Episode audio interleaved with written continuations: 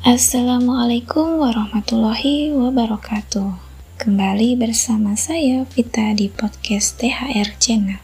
Kali ini dalam rubrik opini kita akan mengangkat tema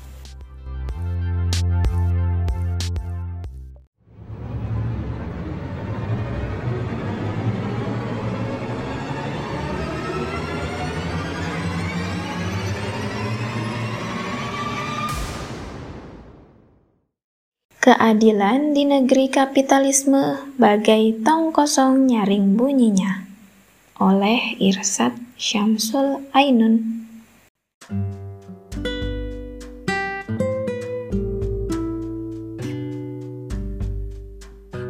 Keadilan sosial bagi seluruh rakyat Indonesia. Itulah bunyi sila yang kelima dalam dasar negara kesatuan Republik Indonesia.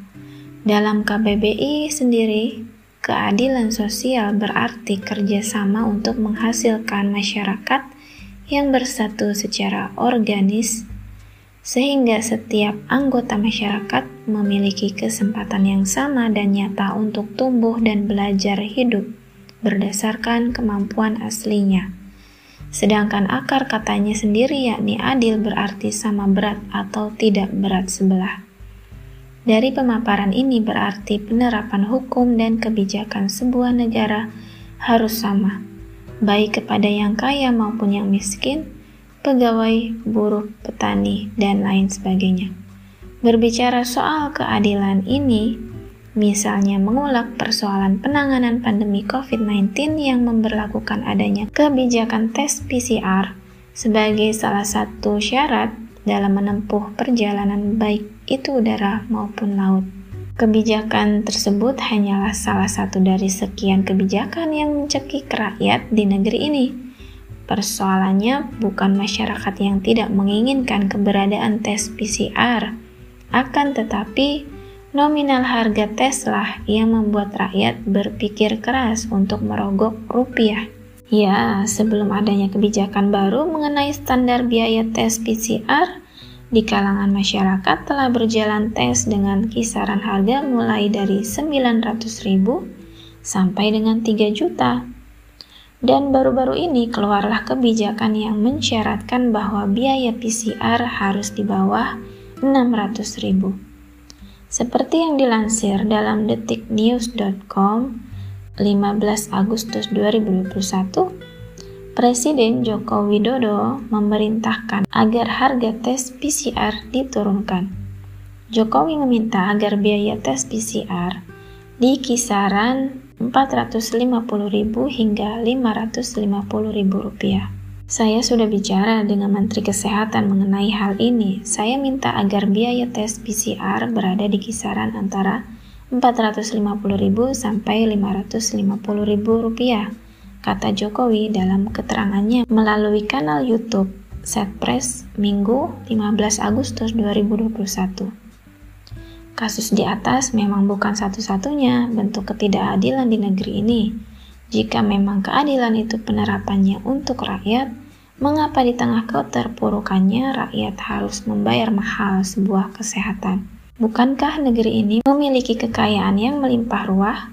Kekayaan yang tidak hanya terdapat di darat, tapi juga lautan, tambang-tambang emas, batu bara, dan yang lainnya begitu banyak. Sampai-sampai kekayaan itu harus terkeruk oleh asing dan asing demi kepentingan para kapital. Ini pelayanan kesehatan yang harusnya merata hanya dapat dikantongi oleh mereka yang berdompet tebal.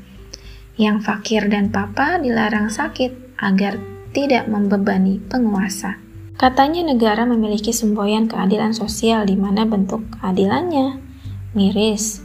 Memang penerapan sistem hari ini mereka yang kaya mampu menikmati pelayanan yang sekelas VVIP. Yang papa dibiarkan dengan tikar lesehan bahkan tanpa alas. Berbeda halnya ketika sebuah negara menerapkan aturan sangholik yang sumbernya jelas dengan rujukan yang memartabatkan manusia juga akidahnya. Ya, sebut saja sistem Islam yang rahmatan lil alamin. Dalam penerapan hukum Islam, kesehatan menjadi salah satu tugas dan kewajiban negara yang pemerolehannya digratiskan kepada rakyat. sehingga keadilan benar-benar terwujud secara paripurna dalam pelayanan kesehatan ini. Negara menyediakan pelayanan terbaik kepada rakyat, baik yang kaya maupun yang papa. Pun demikian juga, baik yang pegawai maupun rakyat biasa memiliki hak yang sama. Di samping menyediakan layanan terbaik, negara juga menyelaraskan dengan tunjangan fasilitas yang lengkap.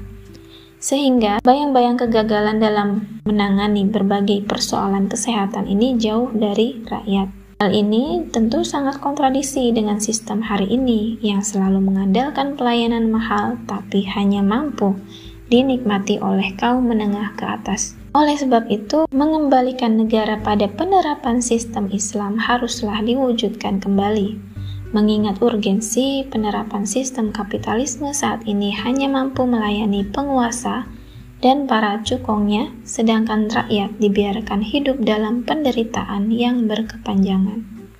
Hak-hak mereka dirampas demi menghalus muluskan jalan asing dan asing, juga menjadikan pelayanan publik yang harusnya gratis sebagai ladang bisnis dalam memenuhi tuntutan dalam memenuhi tuntunan hawa nafsu manusia. Wallahu a'lam bishawab.